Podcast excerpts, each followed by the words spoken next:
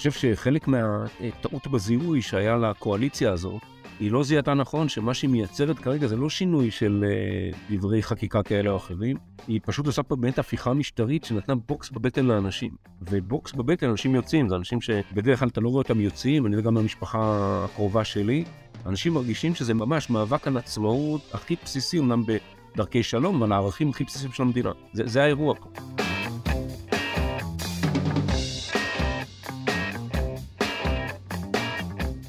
ברוכים הבאים למרקרים, פודקאסט סוף השבוע של דה מרקר. ההזדמנות שלכם לקחת פסק זמן ממחזור החדשות היומיומי ולצלול איתנו לאירועים, לאנשים ובעיקר לרעיונות מאחורי החדשות. כאן באולפן איתכם כמדי שבוע גיא רולניק. והשבוע חוזרת אלינו שותפתי לפודקאסט ענת ג'ורג'י. שמענו בפתיח את יואב סגלוביץ', חבר הכנסת מיש עתיד, ולשעבר ראש אגף חקירות ומודיעין במשטרה. שלום ענת! שלום גיא.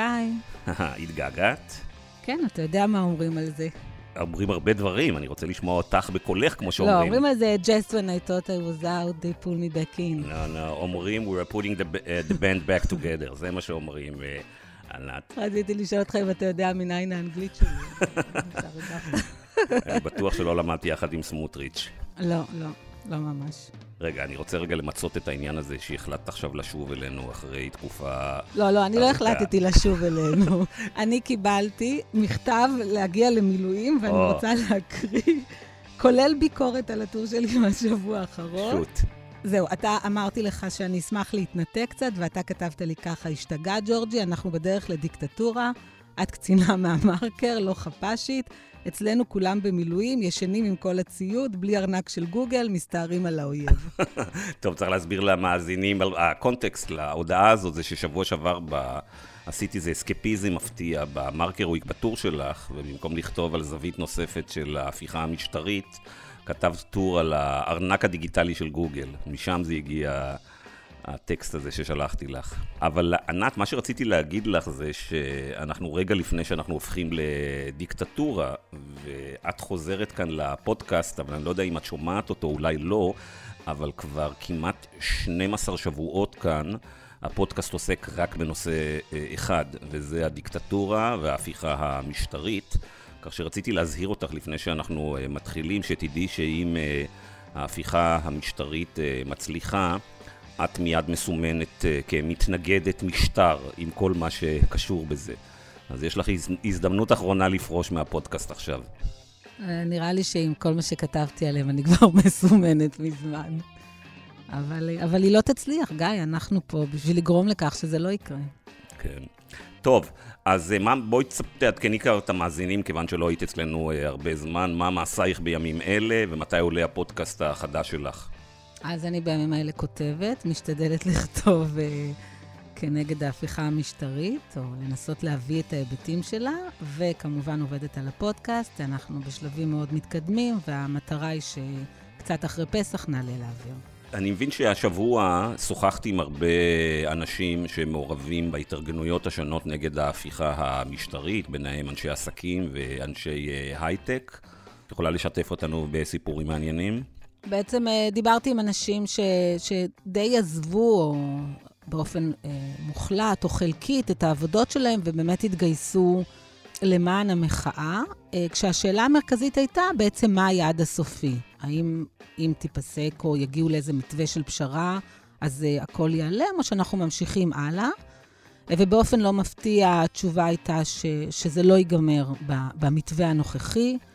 אה, שיש איזושהי הבנה שיש פה בעיות עומק שלא התייחסו אליהן לאורך השנים, כמו העובדה שאין לנו חוקה, אה, ושאם אנחנו לא נטפל בבעיות האלה היום, או נדאג לזה שמקבלי ההחלטות יטפלו בבעיות האלה היום, אנחנו נתמודד עם אותה סיטואציה בעוד חמש שנים, ואולי אפילו המצב הזה יהיה הרבה יותר גרוע. זה היה מדהים לשמוע את האנשים האלה, גם את הנכונות שלהם להקריב את החיים שלהם ואת הפרנסה שלהם ואת הפרטיות שלהם ואת הביטחון שלהם. בשביל להילחם על מה שנראה להם העתיד אה, המאוד מסוכן שיש למדינת ישראל, וזה גם נותן הרבה מאוד אה, אופטימיות ותקווה, כי יש לנו חברה אזרחית מאוד חזקה ונחושה, וזה מדהים לראות את זה. אני מסכים איתך, ענת. הייתי רק אה, מסייג לקראת סיום שהחברה האזרחית שלנו, בכל מה שקשור לנושאים של דמותה של הפוליטיקה הישראלית, לדעתי מאוד נחלשה לאורך שנים, אולי לאורך עשרות שנים. אנשים, אולי דווקא מהמחנה שלנו, המחנה שלא רוצה לראות פה הפיכה משטרית והכפפת בית המשפט לפוליטיקאים, בעצם הדירו את עצמם בהדרגה מהפוליטיקה והסתפקו בכך שהם כל ארבע שנים מצביעים, או בשנים האחרונות כל חצי שנה מצביעים, ומה שאני חווה באופן אישי בחודשיים האחרונים, באופן חסר תקדים, זה מספרים עצומים של אנשים, אנשי עסקים ואנשים בתחומים אחרים, שמגלים עניין עצום במה שמתרחש סוף סוף, ומבינים לראשונה שפוליטיקה זה לא רק פוליטיקאים, אלא פוליטיקה בראש ובראשונה נשענת על אזרחים מעורבים. ויש אין ספור יוזמות אזרחיות מכל מיני סוגים להיכנס לתוך מעורבות פוליטית, שאין שום כוונה בקצה להיכנס לכנסת או לממשלה, וזה לדעתי דבר פנטסטי. אז בצד החשש והפחדים העצומים שיש לי מהדהרה של רכבת, אני לא יודע איך לקרוא לה, אני לפעמים קורא לה רכבת, רוטמן, סמוטריץ', קהלת. תכף נשמע מהמרואיין שלנו השבוע איך הדרך הטובה ביותר לדעתו, נכון לרגע זה, לקרוא לרכבת הזאת, להבין מי יושב בקטר שלה. אבל בצד הדברים המפחידים שקורים ה... מהכיוון של יושבי הקטר הזה, כולל האוהדים שלהם, שאנחנו רואים ברשתות החברתיות ובאולפנים, יש בי אופטימיות עצומה לגבי ההתעוררות האזרחית שאנחנו רואים בשבועות האחרונים, כמו שלא ראינו מעולם. איך הרגשת אחרי הנאום שלך בקפלן? צריך להגיד, מול כמה היו שם? בין 180 ל-280? אף אחד לא באמת יודע להעריך. כן, תראי, כשביקשו ממני אה, אה, לדבר בקפלן במוצאי אה, שבת, התשובה שלי הייתה מיד אה, חיובית. מיד התיישבתי לכתוב את הדברים שלי. שבוע לפני זה דיברתי בהפגנה דומה ברעננה, אבל זה הפעם הראשונה שהרגשתי שחציתי איזה קו כעיתונאי, בגלל שהעם פה מחולק לשניים היום. כרגע, ובחרתי צד מאוד ברור. אחרי 30 שנה של עיתונות, שאני אף פעם לא הייתי בשום צד, ולמעשה הייתי הרבה פעמים כאילו לעומתי, לעומת כל הספקטרום של, ה, של הקשת הפוליטית, הפעם הייתי באיזה צד. אני חייב לציין שיש בזה גם איזו אי נוחות מסוימת כעיתונאי.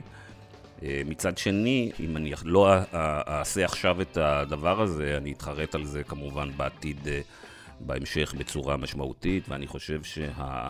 מצב הקיצון אליו הגענו בעצם מאלץ אותי לעשות את זה. לגבי הנאום עצמו, היה פנטסטי. את יודעת, לדבר במכה אחת לקבוצה כל כך גדולה של אנשים, אני לא יודע אם זה היה 100 אלף או 200 אלף איש, זה דבר משמעותי, ובעיקר זה דבר משמעותי בשנים האחרונות, מאחר ודה מרקר והארץ מאחורי חומת תשלום. אז הרבה פעמים אחד החסרונות, יש לזה יתרון מאוד גדול מבחינת זה שאנחנו כבר לא תלויים בכלל במפרסמים, אבל יש לזה מאוד חיסרון שאנחנו מדברים לקהל מאוד ספציפי. ענת, אני רוצה להציג לך את האורח שלנו, אני לא יודע אם יצא לך להיפגש איתו ולראיין אותו. אני חושב שמאז שהוא נכנס לפוליטיקה, למעשה לא יצא לי להיפגש ולראיין אותו. הסיטואציה האחרונה שנפגשנו עוד זה היה לפי דעתי כאשר הוא עזב שירות ארוך ומפואר את המשטרה. הכוונה היא כמובן ליואב סגלוביץ', שמוכר לכולם כחבר כנסת מהבכירים ביותר ביש עתיד, אבל מי שהיה בשטח יותר זמן זוכר אותו בתור אחד הכוכבים הכי בולטים בצמרת המשטרה, מקים של כמה מהיחידות הכי מדוברות ומפחידות שיש במשטרה, כולל 433, ובתפקידו האחרון ראש אגף חקירות ומודיעין במשטרה. שתי סיבות חשבתי שיהיה חשוב מאוד לשמוע את קולו בימים אלה. הסיבה הראשונה היא שבחודשיים האחרונים קפצתי לכנסת כמה פעמים, סיפרתי על זה פה בפודקאסט, והבחנתי שאחד האנשים הבודדים שיושבים כל הזמן מול שמחה רוטמן בוועדת חוקה, חוק ומשפט, וכמעט לא זזים משם, אה, במין כזה, כמו איזה אה, כלב שמירה כזה, ממש במובן הזה, וכל הזמן יושבים מולו, ואמרתי לעצמי, וואו, זה בטח דבר לא נעים, זה יואב סגלוביץ'. והסיבה השנייה היא שלמרות שמדובר על, לכאורה, על הפיכה משפטית, יהיו לה המון המון משמעויות בהמשך. אם נגיע למשבר חוקתי, ואם חס וחלילה היא תעבור לשאלות של התנהגות של אה, האכיפה של החוק במדינת אה, ישראל, אז חשבתי שיואב סגלוביץ' הוא אחד מהפוליטיקאים עם הכי הרבה ניסיון בשאלות של עולם האכיפה אה, לפני ההפיכה המשטרית, ואחריה, אם חס וחלילה, היא תקרה. יואב גם היה זה שבאמת חקר הרבה מאוד אישי ציבור מושחתים. ואני חושבת שמהרבה בחינות הוא ראה את ההידרדרות של הערכים בפוליטיקה הישראלית, עד שהגענו למצב הנוכחי, ויכול להיות שגם על זה הוא יוכל להתייחס ובעצם להגיב. נכון מאוד, מיד מתחילים.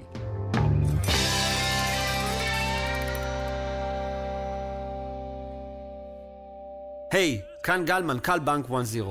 אני יודע שבאתם לשמוע פודקאסט, לא פרסומת, אז בואו נעשה את זה ממש בנקודות, אוקיי?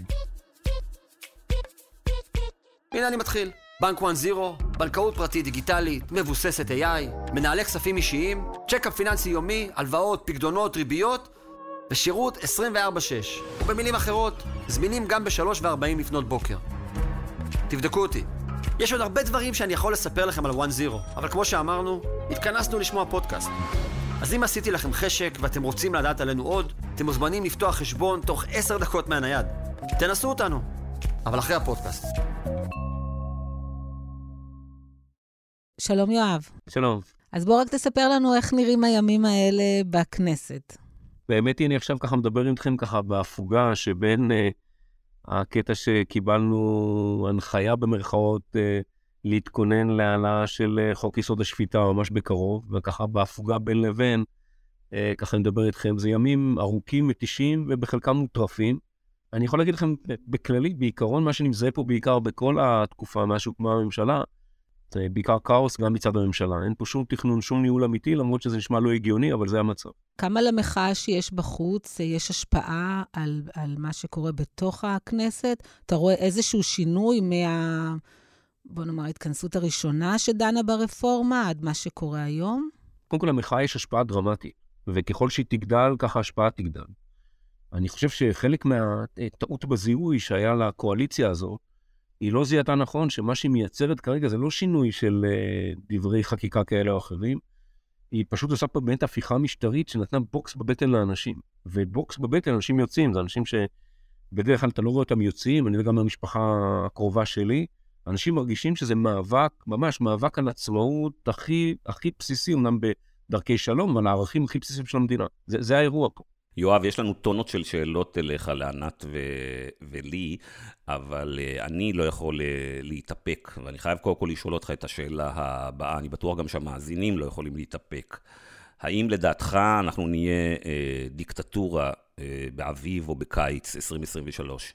לא, אני חושב בפירוש שלא, למרות שזה נראה היום כאילו אנחנו הולכים לשם. אני באמת מאמין, אני חושב שבמידה מסוימת גם מרגיש, יודע, באמת, לא כסיסמה, המדינה והאזרחים יותר חזקים מהמנהיגים שלהם. יש פה אנרגיות אחרות לחלוטין, שבסוף יכריעו גם את הכוונות, כי אני לא חושב שזה באמת כוונה של כל מי שנמצא מן העבר השני, כרגע, מהעבר השני הפוליטי שלי. זה אכן מאבק פוליטי אדיר, אבל הוא לא מאבק מפלגתי. ולכן יש פה ציבור של כוחות מאוד גדולים, ויש פה משמעויות כלכליות, אה, ביטחוניות, חברתיות. אני חושב ששום הנהגה, גם הנהגה בעייתית מאוד כמו שיש היום, יכולה לעמוד מול הדבר הזה, וצריך להמשיך בכל הכוח. אנחנו כאן בכנסת מה שאפשר לעשות, אבל בוודאי ובוודאי ברחוב. האנרגיות האלה לא ניתנות לעצירה. אני רוצה לשאול אותך רגע באמת עליכם ועל האופוזיציה. מה, מה בדיוק התפקיד שלכם היום? מה אתם עושים היום? אני יכולה להגיד לך שבאמת הכוח הציבורי, הוא נותן איזשהו מענה, הוא מכניס כאוס, הוא מפחיד, אבל מה עושה האופוזיציה היום? מה התפקיד שלה ואיך היא מיישמת אותו? תראי, פה, פה אין הרבה חוכמות. אנחנו במצב נחות מלכתחילה, כלומר, אנחנו יודעים שבכל הצבעה שלא תהיה כאן, אנחנו נפסיד. אבל ברור לי לחלוטין שיש לנו תפקיד כאן היום לקעקע ולהוריד מסכות. כלומר, אני מבחינתי, שאני יושב שם בוועדת חוקה לצורך העניין, או בוועדה אחרת, אבל בעיקר בוועדת חוקה, ושאני גורם לקיים דיון על ההשלכות הבינלאומיות של ההפיכה המשטרות הזאת, לדוגמה, על היכולת להתגונן בפני טריבונלים בינלאומיים, זה מתכתב עם דברים שקורים בשטח. זה לא סתם הטייסים מדברים, ויחידות מיוחדות מדברות, ולוחמים בכלל מדברים. זה לא בגלל זה, בגלל שהם נמצאים ברמת סיכון. עכשיו, בסוף זה משפיע על פוליטיקאים מן הצד השני. אתה רואה את העניין הזה, אתה רואה את גלנט, לא מספיק, אבל אתה מתחיל לראות. לא מספיק, אתה לא רואה, אתה לא רואה אצל דיכטר שום תנועה, למרות שהוא יושב בקבינט יחד עם סמוטריץ' ויחד עם בן גביר. אבל אני חושב בסוף, בסוף, בסוף, יש לזה כוח גם בכנסת. האם דרך הכנסת יהיה השינוי המרכזי? לא. אבל לכנסת יש פה תפקיד בעיקר להוריד מסכות. כשאני יושב מול חברי הקואליציה, וגם אם הם אומרים לי שהם לא מסכימים, אבל בשפת הגוף שלהם אתה רואה שרק לא להיות פה איתך כרגע, לא בגלל שהם מפחדים ממני, בגלל שהם מרגישים שהטיעונים שהם נותנים הם מופרכים ולא ענייניים, זה כוח עצוב. אני מקווה שחלק מזה גם מגיע החוצה, כלומר, זה נותן איזושהי אנרגיה לרחוב. אני מבחינתי, כל הפגנה בכל מוצאי שבת שאני הולך, או באמצע השבוע, מתי שמזדמן, לי זה נותן המון אנרגיה, אני מקווה שגם אנחנו במידה מסוימת נספקים את הסחורה הזאת. אז בוא נסתכל רגע, באמת הזכרת כמה שחקנים כבר. אה, בניתוח שלי, פחות או יותר, יש חמישה אנשים שיושבים בקטר של ניסיון ההפיכה המשטרית. אה, כל אחד מהם יצא לדרך אה, מסיבות אישיות שונות, ואולי גם כל אחד מהם שינה לאורך הנסיעה של החודשיים האחרונים את מה שהוא בעצם רוצה להוציא. מהאירוע הזה. אתה נמצא שם בוועדת אה, אה, חוקה, חוק ומשפט כל הזמן, אתה גם פוגש אותם. אני מניח שיש גם שיחות מאחורי הקלעים. אה, ואתה יכול להבין יותר טוב את המוטיבציות האישיות שלהם, את האידיאולוגיה שלהם, את התקוות שלהם, את הפחדים שלהם. אז ברשותך, בשבתך עכשיו גם לא רק כחבר כנסת, אלא כפרשן, אולי תוכל אה, אה, לנסות לעזור לנו להבין מה קורה כאן. בוא נתחיל עם אה, אחד הכוכבים העיקריים, שלרגעים לפעמים נראה ככוכב מרכזי באירוע, שמחה רוטמן. אתה יכול להסביר לי מה שמחה רוטמן רוצה? כן, אני, אני חושב שזה מאוד ברור. הוא רוצה שינוי טוטאלי. אם אתה שואל אותי, אני לא חושב שהעולם הערכים הבסיסי של הדברים הכי בסיסיים של שוויון, חירות וחופש, אנחנו שותפים לו. יש לו כרגע הזדמנות לעשות משהו שהוא היה שחקן צעד רחוק, לא נמצא בשום מיינסטרים, פשוט הנסיבות ובנימין נתניהו והקואליציה הבאמת המופרעת הזאת, גרמו לו להיכנס לקטר במצב רגיל, בקרון האחרון. הסיטואציה פה הכניסה אנשים לקטר, בזמן שבמצב רגיל הנהגים הבסיסיים של הקטר, כלומר ראש ממשלה באשר הוא, או האנשים החזקים בתור הפוליטיקה הישראלית, לא היו נותנים לשבת שם בכלל. אני מחלק את ה... מי שנמצא מולנו פה עם כל, ה, עם כל המהפכה המשטרית הזאת לא, לאיזושהי חלוקה לשלושה חלקים. יש את המשיחיים אידי, אידיאולוגיים למיעוט קטן. יש את האובססיביים, שמניעים את זה מכל מיני סיבות, כעס על בית משפט עליון מכל מיני אירועים כאלה, תחושה של שליטה שאין להם אותה, deep state, כל מיני דברים שמסתובבים פה ברקע. ויש את הקבוצה הכי גדולה, שבאופן אבסורדי אני בונה עליהם. הם הציניים. הם אלה ששותקים עכשיו ובכלל, עליהם אני בונה בעיקר. כלומר, הציניים, מתי שירגישו שזה לא משתלם להם פוליטית, הם יתחילו לדבר על ערכים. ואני מקווה שמה שקורה בחוץ יגרום להם. כלומר, הנסיבות שקרו פה, שיש ראש ממשלה עם כתב אישום שיש לו אינטרס, שיש פה את, את, את אה, דרעי שיש לו אינטרס, יש, לו, יש פה באמת uh, קואליציה שיש להם אינטרסים מחוק הגיוס ועד חוק יסוד לימוד תורה, ועד כל מיני דברים נוספים. כל אחד יש לו איזשהו אינטרס המשותף לכולם, שהם חייבים, אבל חייבים להחליש בצורה דרמטית את בית המשפט העליון קודם כל, את היועצים המשפטיים, ולהעביר את כל הכוח לרשות המבצעת. הדאגה שלהם בהקשרים האלה, בעיקר של האובססיביים וה, וה, והמשיחיים, היא לא מה שאתה או אנחנו דואגים. הם לא דואגים מזה. ולכן ההבקעה צריכה להיות על הציניים. זה אותם אלה שעמדו אחרי בנימין נתניהו על מדרגות בית המשפט המחוזי בירושלים. השיקול הפוליטי בסוף יכתיב את העניין ולא השיקול הערכי. אני לא בונה על הערכים של החבורה, אני כן בונה על ההישרדות הפוליטית שלהם ועל מה עושה להם מחאה בסדרי גודל כאלה. ופה המאבק הוא, הוא מרכזי.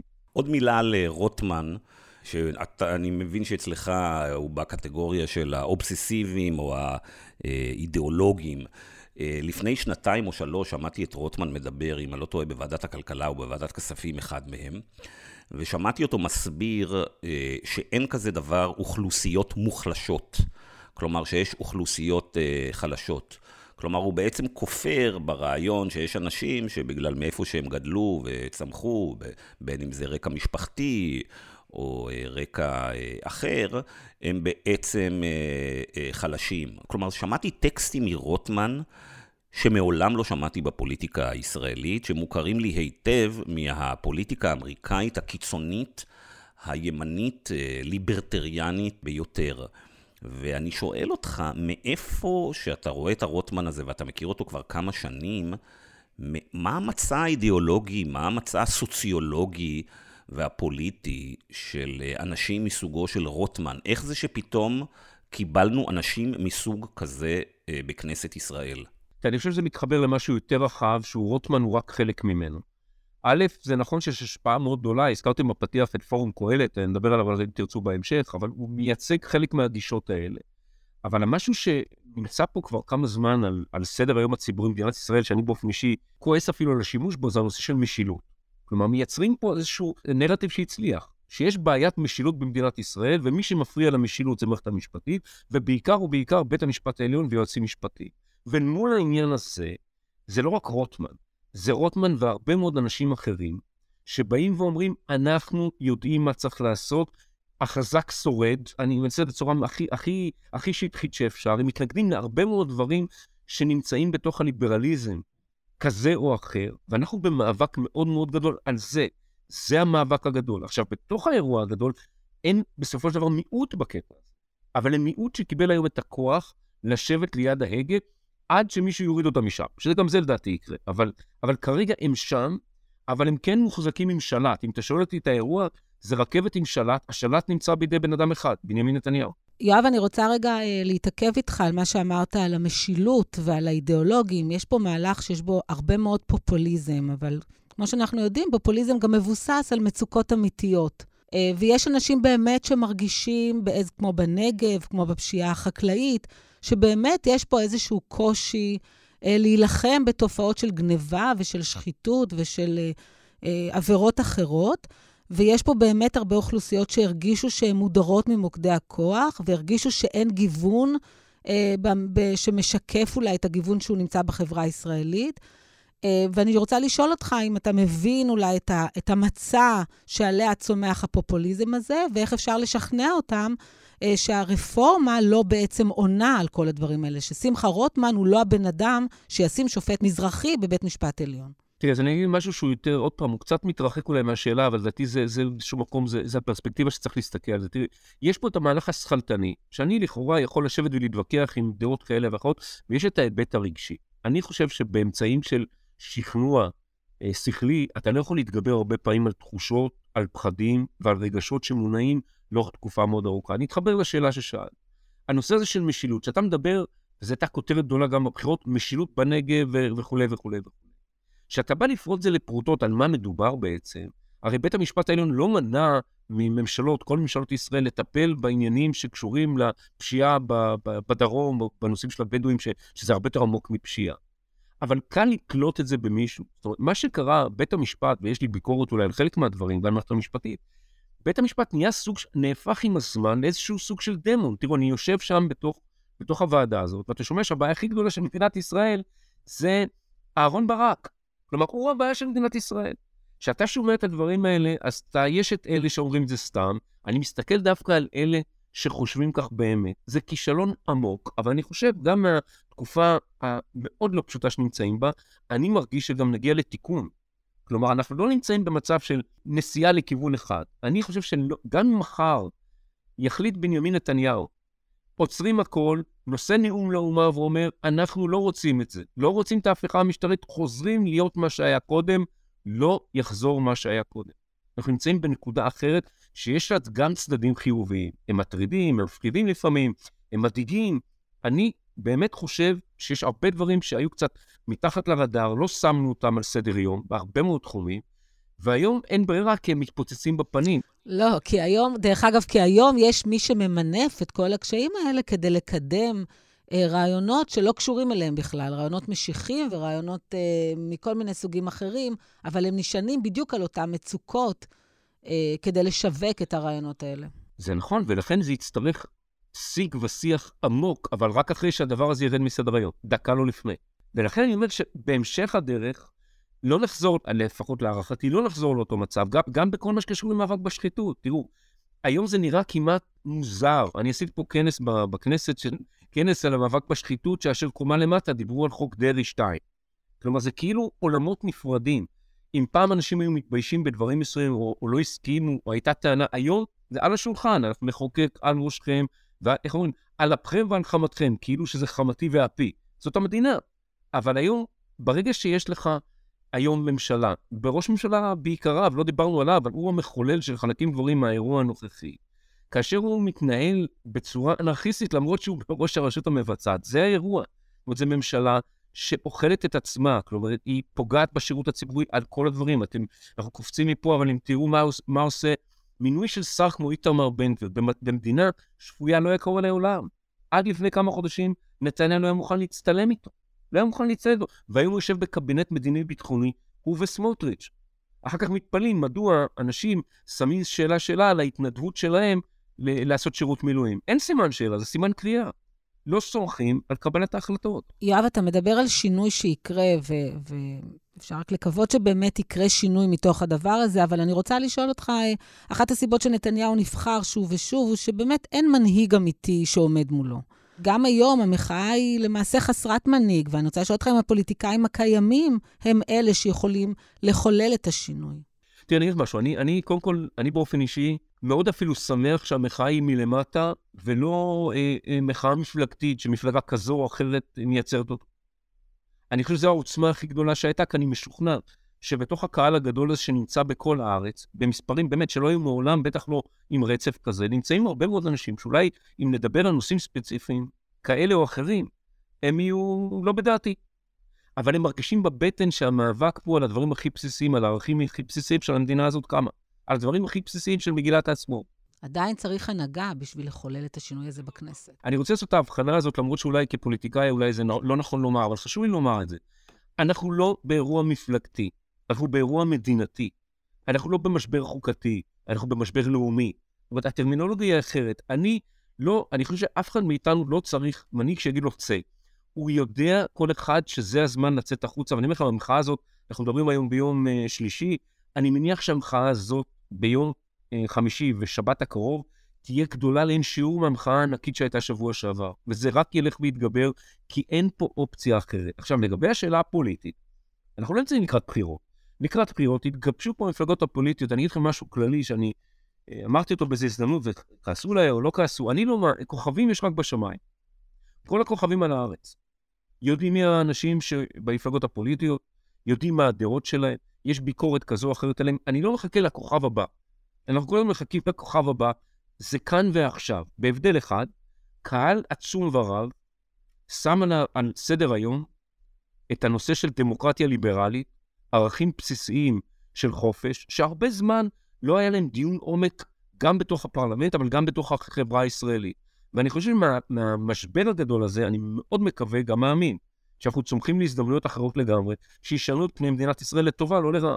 יואב, בוא נחזור רגע למה שדיברת מקודם, למשילות, ושתי דקות למען מאזיננו הימנים, או אלה שתומכים בהפיכה המשטרית. אתה היית בכיר מאוד, ברוב חייך בעצם, בשירות המדינה, בכיר במשטרה. אז בוא תסביר למאזינים איפה אתה... כבכיר בשירות הציבורי, פגשת את נושא המשילות ואת אה, בית המשפט העליון. תנסה לשכנע בשפה הכי פשוטה ש, שאתה נאבקת בפשיעה, אה, הן של צווארון לבן והן פשיעה אה, אחרת במשך שנים. תנסה לשכנע אותנו ששופטי העליון, האשכנזים או המזרחים, הימנים או השמאלנים, הם לא היו המחסום בדרכך. אז בואו נתחיל הכי פשוט בסטטיסטיקה. אנחנו כל הזמן נמצאים באיזשהו תיאור, אה, מציאות לא נכון, כאילו בית המשפט העליון כל יום מבטל חוקים. במציאות הסטטיסטית זה לא נכון. לאזרח מן השורה, כולל דרך לשוטר מן השורה, גם אם הוא שוטר בתפקיד בכיר, המפגש שלו עם בית המשפט העליון קטן מאוד. בית המשפט העליון ברוב עיסוקו עוסק בעניינים אזרחיים, בעניינים פליליים, הוא דן בסוגיות חוקתיות כאשר הן מגיעות אליו, אבל הרשות המבצעת מקבלת כל יום לגווניה השונים. זה לא רק הממשלה, זה הממשלה במליאתה, זה כל עוד שר במשרדו, זה כל הרשויות המקומיות, זה כל יחידות הסרח מקבלות עשרות אלפי החלטות כל שבוע. רק, בוא נגיד, באחוזים ממש מינוריים מגיע בכלל לביקורת שיפוטית. אבל אתה תמיד יודע שבצר לך כאזרח, יש לך כתובת שאתה יכול להגיע אליה, שאיננו הממשלה, ואיננו השוטר, ואיננו הפרקליט, וזה בבית המשפט. ולכן הדבר הראשון זה ברמת העובדות, אנחנו נמצאים בשדה אחר לגמרי. בית המשפט, אפשר להביע עליו ביקורת, וזה בסדר גמור, ויש חלק מההחלטות שאני לא אהבתי ולא אוהב, אבל דבר אחד אף פעם לא נאמר לגביו, לפחות אני לא אמרתי, אני חושב שגם זה יהיה טעות לומר. הוא לא בית משפט פוליטי במובן שפוליטיקאים מינו את האנשים שהחליטו החלטה בגלל אג'נדה פוליטית. אתה יכול להסכים שיהיו ליברלי או שמרן, שזה ויכוח. היום אנחנו נמצאים במצב שרוצים להפוך את השופטים לפוליטיים. והדבר הזה בעל השלכות הרסניות על הכלכלה ועל החברה ועל הביטחון, על כל מקום שאנחנו נוגעים, ובסוף זה פגיעה ישירה ואישית. ניקח נושא שאני קרוב אליו, לצורך העניין, הנושא של, של נשים. היכולת הפגיעה אה, שקיימת היום, היום, כי גם היום יש אפליה מאוד גדולה בהרבה מאוד מקומות, רק תגדל אל מול האג'נדה. מי מחר יתייצב מול העניין הזה של הפרדה במרחב הציבורי? או כל מה שקשור לגיוס, אם מדברים על הצבא, על שירות של נשים בצבא הגנה לישראל. כל הדבר הזה לא היה קורה אם מישהו היה עומד חומה אל מול המערכת של הרשות המבצעת, זה יכול להיות הצבא, יכול להיות הממשלה. זה נכון כמעט בכל תחום, ולכן אני חושב שבסוף העסק הזה נוגע בכל אחד מאיתנו, על החופש האקדמי. בחופש האקדמי, רק אתמול פה בכנסת, היה דיון אה, אה, רחב מאוד על העניין הזה. ראינו, הרי, הרי יש פרוטוקול מסודר למי שרוצה להפוך מדמוקרטיה למשהו אחר. זה השתלטות על כמה מקומות. רשויות האכיפה זה הראשונים שבהם. זה המשטרה, אז תראו מה קורה עכשיו עם, עם פקודת המשטרה שבן גביר רוצה לשנות אותה, והוא טרם שונתה כמו שהוא רוצה, הוא מנסה בכוחותיו לצבוע אותה בצבע פוליטי. רואים איזה מאמץ אדיר נעשה עכשיו, היום, על הנושא של להפוך את הוועדה לבחירת שופטים לוועדה, לא שנבחרים שופטים ליברליים או שמרנים, זה אירוע אחר. לשופטים שממונים על ידי פוליטיקאים, ולא רק פוליטיקאים, מהקואליציה. וזה עד בית המשפט השלום ובית המשפט לתעבורה. זה לא נגמר בבית משפט עליון.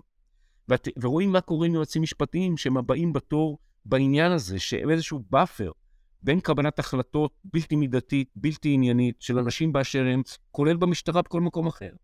אנחנו כאזרחים חייבים את המערכות ההגנה האלה. עכשיו, מן העבר השני, שידרו לנו תקופה מאוד ארוכה ובהצלחה יתרה, שזה הדבר שהכי פוגע ביכולת להכניס יכולת של חוק וסדר במדינת ישראל, שזה דבר מכעיס לראות עד כמה זה הצליח, אבל זה הצליח. העובדה היא שזה הצליח, תהיה עבודה מאוד גדולה, אחרי שהמהפכה הזאת תרד מסדר היום, תהיה עבודה מאוד גדולה גם למערכות, דרך אגב, גם למשטרה, גם למערכת אה, בתי המשפט, גם לגופים כולם, לייצר אמון מחודש, כי האמון הזה, אם הוא נסדק, לוודאי וודאי הפך ליעד מרכזי של הממשלה הזאת. ואנחנו נצטרך פה לעשות מאמץ, עוד פעם, אבל רק אחרי שהנושא הזה ירד מסדר היום, דקה אחת לא לפני. יואב, עוד לא הגענו לרגע של הזמן, כי אנחנו בתוך מערכה של אה, חשבון אה, נפש, אבל כמה דברים אפשר כן להגיד אה, בשלב זה, ואני רוצה לשמוע מה אתה חושב. חלק מהרעיונות המפחידים שהזכרת, למשל להפוך את הכל פוליטי, להפוך את בית המשפט פוליטי, להפוך את השירות הציבורי לפוליטי, הם מגיעים מאמריקה. ושניים האנשים שדחפו הכי חזק את הרעיונות האלה לפני שרוטמן ולוין הפכו להיות אה, כוכבי על בפוליטיקה הישראלית, זה נפתלי בנט ואיילת אה, שקד. בממשלת השינוי, אני זוכר, היה איזה סיפור יפה בדה-מרקר שנחשף לפני שנה. הוקמה קבוצת וואטסאפ שקראו לה מחסלים רגולציה בגרזנים. ובקבוצה הזאת היו האנשים שקרובים לנפתלי בנט ולאיילת שקד, אה, עוזרים וכל מיני מינויים, יחד עם אנשי פורום אה, קהלת. והרעיון היה, בעצם זו קבוצה שנועדה להילחם ב deep state הישראלי עם מצ'טות, להרוג את החברים האלה. עכשיו, זה היה בתוך אה, ממשלה שאתם הייתם השחקן הבכיר ביותר בה. אתה ראית את הדברים האלה? אתה הבנת את הסכנה שלהם? או שחשבת שזה תמיד יהיו רעיונות בשוליים, ועכשיו אתה מבין שאולי שגית? כפי שאתם מבינים ויודעים, אבל אם לא, אז אני מאוד לא חסיד, לא של איילת שקד ולא של נפתלי בנט, לא בדעות הפוליטיות האחרות שלהם, וגם לא בתפיסות העולם של בית המשפט העליון במערכת האכיפה בכלל. אני חושב שאם אני יכול להיות פרשן עליהם, למרות שזה אה, אולי לא פייר, אבל אני חושב שהם נאלצו לרכב על איזשהו גל שהם היו חלק ממנו, והם חשבו מזה להרוויח איזשהו רווח פוליטי, זו הייתה טעות קשה מאוד. אני בתוך הממשלה, לפחות מה שאני חוויתי, זה לא נושא שהיה על, אה, אה, על סדר היום של הממשלה, אבל הממשלה הזאת, אין מה לעשות, היא הייתה מאוד מורכבת מקצוות אה, מאוד גדולים. אני התנגדתי, אני מזכיר לכם, גם במערכת הבחירות הקודמת, בג"ץ, ננצח את בג"ץ, זה היה חלק מסיסמת בחירות. כלומר, בזמנו איילת שקד ונפתלי בנט דיברו על לנצח את בג"ץ. אני חושב שפשוט היו בתוך גל, בתוך אותה אווירה כוללת, שכאילו הנושא של מערכת המשפטית היא הבעיה, אני מקווה מאוד שהם עשו חשבון נפש. אבל אני חושב שאנחנו צריכים, ואני לוקח מה החשבון נפש שלי לפעם הבאה, אם נלחמתי באמירות האלה בצורה קשה ככל שיכולתי אז, אז ללא ספק אם הייתי שומע את זה, אם זה יקרה עוד פעם היום, בוא נגיד, אני אגביר את המאבק בעניין הזה בסדרי גודל. הבוקר, בעמוד הראשון של המהדורה המודפסת של הניו יורק טיימס, יש כתבה גדולה על פורום קהלת. עכשיו, זה לא, להגיע לעמוד הראשון של הניו יורק טיימס זה לא דבר אה, קל. והטיימס מספר לקוראים שלו שבעצם אה, מיליארדרים אה, אמריקאים יהודים הקימו בישראל לפני כעשור מכון מחקר שבעצם משנה את הפוליטיקה בישראל. הכוונה היא לפורום קהלת.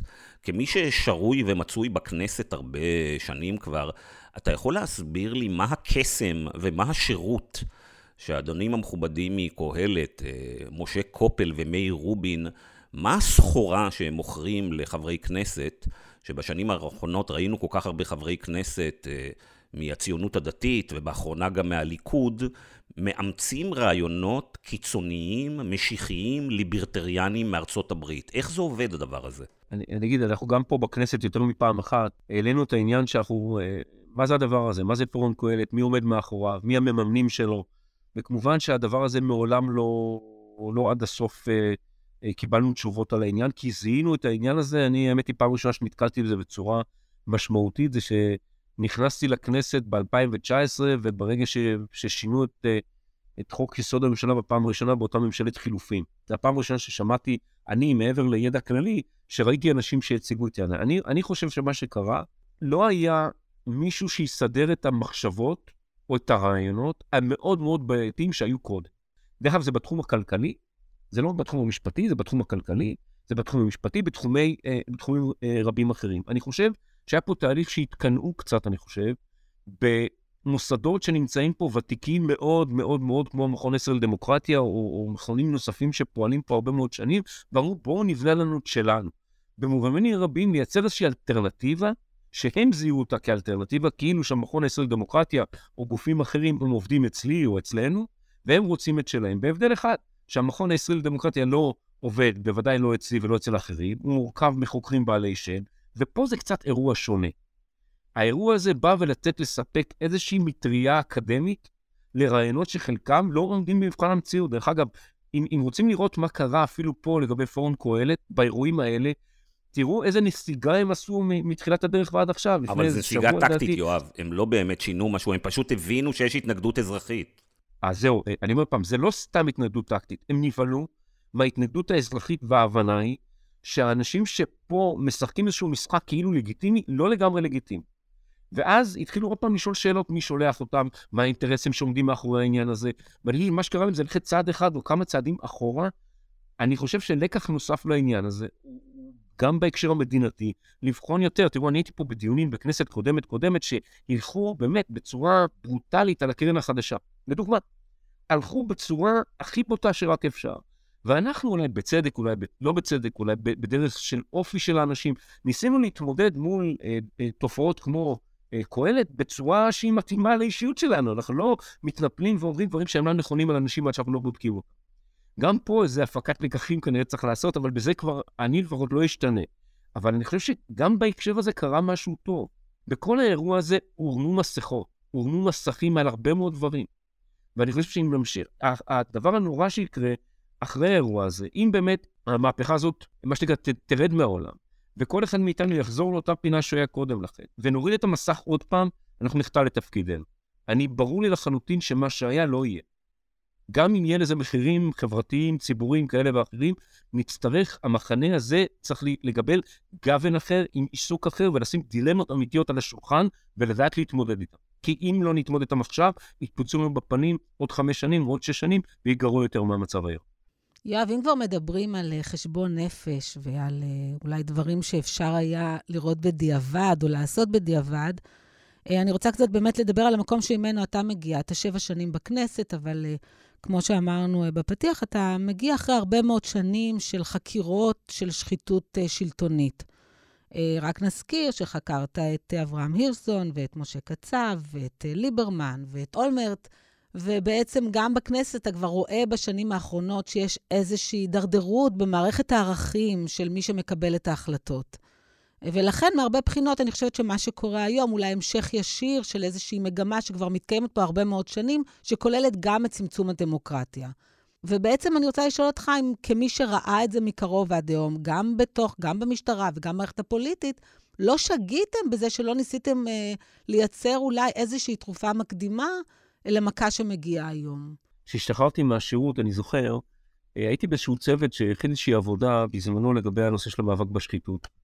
כי אני גם כשהייתי בשירות אז לא יכולתי לדבר, לאחר מכן יכולתי לדבר. אני חושב שהתרופה בסוף לשחיתות, היא בוודאי צריכים משטרה חזקה ופרקליטות, ואנשים טובים יהיו במקומות האלה, ובתי משפט, אבל, אבל בסוף, בסוף זה סיפור של, של, של מנהיגות. מי הם המנהיגים שמנהיגים אותנו, על מה אנחנו הולכים לבחור אנשים, מה אנחנו רואים מול העיניים שלנו. או מה סדרי העדיפויות שלנו כפוליטיקאים שיושבים בכנסת, וכמי שהיה בשלטון בכל זאת שנה אחת. והייתה לא, לו איזושהי אפשרות לחולל בשינוי. וגם מה סדרי העדיפויות הערכיים של אזרחים שמצביעים. עכשיו, אני לא מאלה שאומרים, צריך לשאול את האזרחים, אבל אני ברור לגמרי שיש מגבלה בסוף למערכות האכיפה ביכולת שלהם. מערכות האכיפה לא משנות נורמות התנהגות. מנהיגי ציבור כן. ומרגע, אני מבחינתי הרגע היה רגע מכונן, קשה אבל מכונן, שראש ממשלה יכול להיבחר, להיבחר למרות שיש לו כתבי אישום, וציבור גדול מצביע אחריו, ברור לי לחלוטין שהפתרון לאירוע כזה היא לא רק מערכת אכיפה, היא חייבת מערכת אכיפה חזקה. ובעניין הזה, גם פה, אני אומר עוד פעם, אני, אני באתי, אחת הסיבות שנכנסתי לחיים הפוליטיים, היא גם לטפל בדברים האלו, להיות חלק משינוי בעניין הזה. כי בסוף מנהיגות קובעת דרך. בסוף מי המודל לחיקוי? מנהל בית הספר, המדען, האדם הישר, או זה שיודע לעגל פינות? זו שאלה שכל אחד גם צריך לשאול את עצמו לפני שהוא הולך לקלפי, ואני חושב שכן, במדינת ישראל יש כשל מרכזי בעניין הזה, ואני גם בזה, עוד פעם, גם בזה תולה תקוות. אני אומר לך, תשאלי אותי, האם בתקופה שלי מ-2019 עד, עד היום, הצלחתי לעשות משהו טוב ביכולת של מדינת ישראל להילחם טוב יותר בשחיתות? התשובה שלי היא לא. יואב, שתי שאלות בעניין אה, הזה, אנחנו מתקרבים לסיום. דבר אחד, האם אתה מסכים איתי שאחת המטרות או התוצאות של צעדי הרפורמה שהציגו קהלת, אה, סמוטריץ' ויריב לוין, זה בעצם להפוך את השחיתות שהכרנו בעשורים האחרונים של פוליטיקאים לחוקית, או כזאת שכמעט בלתי אפשרי אה, לתפוס אותה ולהגיש נגדה כתבי אישום. אפרופו, זה מצחיק, העבודה שאז כתבנו בצוות, היה, קראנו לה שחיתות חוקית, וכולם התרכזו עליי להגיד, מה פתאום אתה קורא לזה ככה? אין כזה דבר שחיתות חוקית. ואמרתי, יש. אבל לא, לא האמנתי שנגיע למצב שאתה שואל אותי אם באמת רוצים לעשות את זה לחוקית. התשובה היא חד משמעית כן. רוצים לנרמל כל דבר חריג, ולכן, כשאתה בא פה לדיון על, על חוק המתנות שמתקנים אותו עכשיו, ש, שהולך להשחית את כל השירות הציבורי, הוא נתפר למידותיו של נתניהו, אבל המשמעות שלו זה השחתה של כל השירות הציבורי. ואף אחד לא, בקואליציה לא שם סימן שאלה לדבר הזה, למרות שהעובדות ידועות. וכשאתה רואה לאחר מכן את חוק דרעי, ואתה שומע את דרעי אומר במילותיו שלו, אני אכנס מהחלון או מהדלת או מהתקרה. והוא אומר את הדברים והשמיים לא נופלים, כן, זאת המטרה שלהם. ואני חושב שדווקא שבגלל שערבבו את כל הדברים האלה ביחד, חלק מהתיקון יהיה תיקון. זאת אומרת, גם בגלל שהכל מעורב, המהפכה המשטרית הזאת שפה מתגלשת עלינו, מתחברת עם נרמול או ניסיון לנרמל את השחיתות הכי קשה. ודווקא בשביל, בשביל הערבוב הזה, אני אופטימי. זאת אומרת, אני, אחרי כל מה שדיברנו, אני חושב שאנחנו הולכים לקראת שינוי טוב. הוא פשוט הולך להיות נורא נורא קשה. אז השאלה השנייה, אתה הזכרת שאתה אמרת שזה מדהים שבחרו בראש ממשלה עם כתבי אה, אישום, ואני רוצה להציע לך את הרעיון שאחת הסיבות לזה שקרה, נקרא לזה באופן רחב תופעת ערוץ 14, אה, ואולי גם אה, פייסבוק, ואולי בכלל העיתונות. מה שקרה שם הוא שבשנים האחרונות צמחו בעיתונות, הן בערוצי הטלוויזיה המרכזיים, אולי גם חלק בעיתונות ה... כתובה, ובעיקר בזמן האחרון בערוץ 14, בעצם צמחו כלי תקשורת שמנרמלים לחלוטין שחיתות. והאירוע הזה של ערוץ 14, ואתה זוכר את זה, זה לא אירוע שנולד אתמול, זה קרה ב-2019 שהוקמה ועדה, יואב קיש אמר בראש ועדה מיוחדת שהוא הקים לצורך העניין, שבעצם אה, אה, אפשרה לתת הקלות רגולטוריות אדירות, ובעצם להקים משהו כמו Fox News ישראל כערוץ 14, ערוץ שיכול להיות פרופגנדה מלאה עם אפס כללי אה, אתיקה, שבעצם יכול לפזר שקרים ורעל. ובאופן מעניין, ערוצים 12 ו-13 לא התנגדו לדבר הזה באותם דיונים בכנסת, כי גם הם קיבלו הקלות. והשאלה היא בעצם היא האם לסוג התקשורת שיש פה בישראל בשנים האחרונות בכלל, ולסוג ה junk, ה fake והרעיונות שרצים גם ברשתות החברתיות, האם בעצם, אתה יודע, מרואיין שלי פה, מאיש הייטק אמר פה לפני שבועיים ושלושה, תבינו, כל עוד שיש לנו את הפייסבוק עם כל הזבל והשקרים, וכל כך הרבה שקרים בכלי התקשורת כתוצאה מכך, קשה לקיים דמוקרטיה. אני חושב שהיום לא, לא היום, אני חושב בכלל בשנים האחרונות, דבר מאוד מרכזי שמצד אחד נורא פוחדים לעסוק בו, כי זה חופש ביטוי, אז כולם פה מתרחקים ממנו, מצד אחד. ומצד שני, אי אפשר שלא להתעסק איתו, כי בסוף, ברגע שאתה מגביל את היכולת של הציבור לבחון בצורה עניינית עובדות, ככל שהן קיימות, כמו שאמר טראמפ, יש עובדות אלטרנטיביות, אנחנו נמצאים בעולם כאוטי לגמרי שפוגע בדמוקרטיה, ולכן כן, לדעתי, נצטרך, זה לא רק פה, זה בכל העולם, תצטרך להיות איזושהי רגולציה, למרות שזה מאוד מפחיד את כולם, רגולציה על אמצעים כאלה, כי אם לא, אנחנו בסוף לא מאפשרים את היכולת לאזרחים בכלל, בכל מקום, לבחון בין אלטרנטיבות, נקבל פה איזשהו מידע באופן אה, סיסטמטי, שהוא לא מדויק על שום דבר, הוא מוכוון לעיתים על ידי מעצמות זרות, אולי בעלי עניין כאלה ואחרים, בעלי עניין כלכליים. אנחנו נצטרך להיכנס פה למהלך לא פשוט של רגולציה, שלדעתי מדינת ישראל אנחנו הרבה מאחור בגלל שיקולים פוליטיים, בלי, בלתי ענייני. נראה שהמחאה הזאת פוסחת, אה, או פוסחת חלקית על החברה הערבית, אה, ובכלל שמצבם החברתי אה, נהיה רע יותר. ואני רוצה לשאול אותך אם זה לא גורם שצריך לקחת אותו בחשבון היום, ואם זה לא עלול להתפוצץ לכולנו בפרצוף. תראה, אני מאוד מחובר למה שקורה בחברה הערבית, מתוקף דווקא התפקידים הקודמים. וניסיתי לחשוב מה קורה, מדוע הם מעורבים הרבה פחות. אני אגיד משהו כללי, קודם כל, מיעוטים באשר הם, הרבה פעמים מעורבים פחות במשהו שמרגישים שהם לא שלהם. ואחרי שאמרתי, זאת בדיוק הבעיה. אני כאזרח מדינת ישראל, היום כחבר כנסת, מאוד רוצה שירגישו שזה בעיה שלהם. והשאלה מה אני עושה על מנת שהם ירגישו את זה, כנראה פחות מדי. עובדה היא, גם פה, בדיונים פה בכנסת, מדברים על ייצוג, מדברים על ייצוג נשים. 21% מאוכלוסיית מדינת ישראל, מהאזרחים שלה, הם, הם לא יהודים, וקולם כאילו לא נשמע מספיק.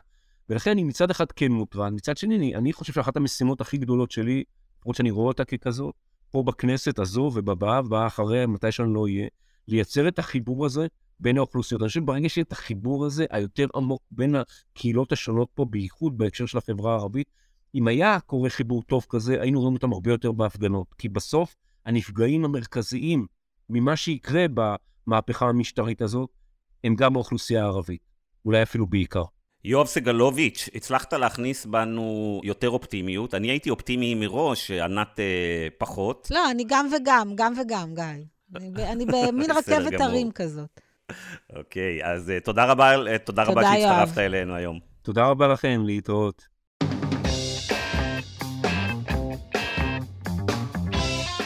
ענת, איך את מסכמת את השיחה עם uh, יואב? אה, שאני באמת מקווה שהמשבר הזה הוא בעצם אה, החושך שלפני עלות השחר. כן. אני רוצה להגיד לך שיואב סגלוביץ' באמת זה אחד הקולות הכי שפויים והגיוניים היום בפוליטיקה. אני אגב מצטער שאנחנו לא שומעים אותו יותר. תחשבי מי יושב באולפנים בחודשים האחרונים, זה כל הקאטי שטרית אה, אה, למיניהם. וכל אלה שיודעים לייצר קליקים ולעשות הטרלות בטוויטר. ואחד באמת התופעות האיומות הוא איזה סוג של תקשורת יש לנו ואיזה סוג של פוליטיקאים היא אה, אה, מקדמת, ואם אנחנו רוצים לחשוב על משהו יותר דמוקרטי, אנחנו צריכים לחשוב על סביבת תקשורת, לדעתי, שמקדמת יותר קולות ואנשים מסוג של אה, סגלוביץ' ופחות את הכנופיה הזאת שהשתלטה לנו על ערוצים 12, 13 ו-14. נכון, גיא, ואם יש עוד משהו שאפשר ללמוד מזה, זה שהדברים האלה די היו ברורים. זאת אומרת, לא בכזה סדר גודל, אבל ההידרדרות בדמוקרטיה ובשחיתות זה לא משהו חדש. אבל באמת בחודשיים האחרונים זה בא בבום מטורף כזה. זה הכל מתנקז, זה נכון, אבל זה לא מגיע בחלל ריק, גיא. אוקיי, ענת, אני מקווה שנהנית היום ותשובי אלינו גם אה, בשבועות הקרובים. אני הגעתי למילואים, שמתי שכפ"ץ. הגעת למילואים, ו... יפה, תודה רבה, מצוין. אנחנו לא משחררים אותך כרגע, נשארת שבת. אוקיי, עד כאן המרקרים להשבוע. תודה רבה לכל מי שעזר והצטרף למילואים השבוע. קודם כל, לעורכת שלנו נהרה מלקין, לעורך הקבוע שלנו דן ברומר האגדי, למפיק אמיר פקטור. תודה רבה ליואב סגלוביץ', שיצא לכמה דקות מוועדת חוקה, חוק ומשפט, שם הוא מבלה לילות כימים בחודשים האחרונים, ותודה לך ענת, ולהתראות בשבוע הבא. תודה גיא. ביי ביי.